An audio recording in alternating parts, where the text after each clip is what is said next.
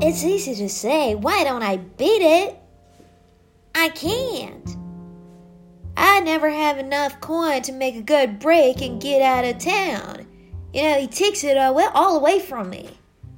And if I went to some other part of this burg, he'd find me and kill me.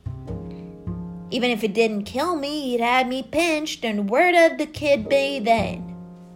Well, he got me some, you know, he's got me where he wants me, all right. He squares it with the cops so they wouldn't, so they don't, don't hold me up for walking the streets. Yeah, you to be wise enough to know all of this, all of his kind stand in. But if he tipped them off to do it, they'd pinch me before I'd gone a block. Then it'd be my island for mine, you know. Yeah, yeah. You'd you'd suppose they'd keep me at the place if they knew what I was. And you suppose he wouldn't tell them or have someone else tell them. You, you know, the game I'm up against. I've tried that job thing. I've looked for decent work and I've started at it. A year after I first hit his town, I quit and um, tried to be on the level. I got a job at housework, working 12 hours a day for $25 a month. And I worked like a dog, too.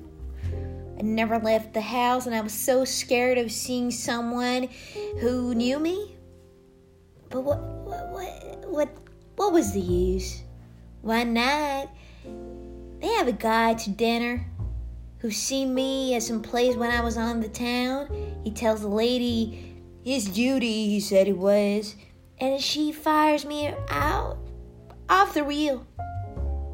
I tried the same thing a lot of times, but there was always someone who'd drag me back, and then I quit trying. There didn't seem to be no use. They, all the good people, they got me where I am, and they're going to keep me there. Reform? Take it from me. It can't be done.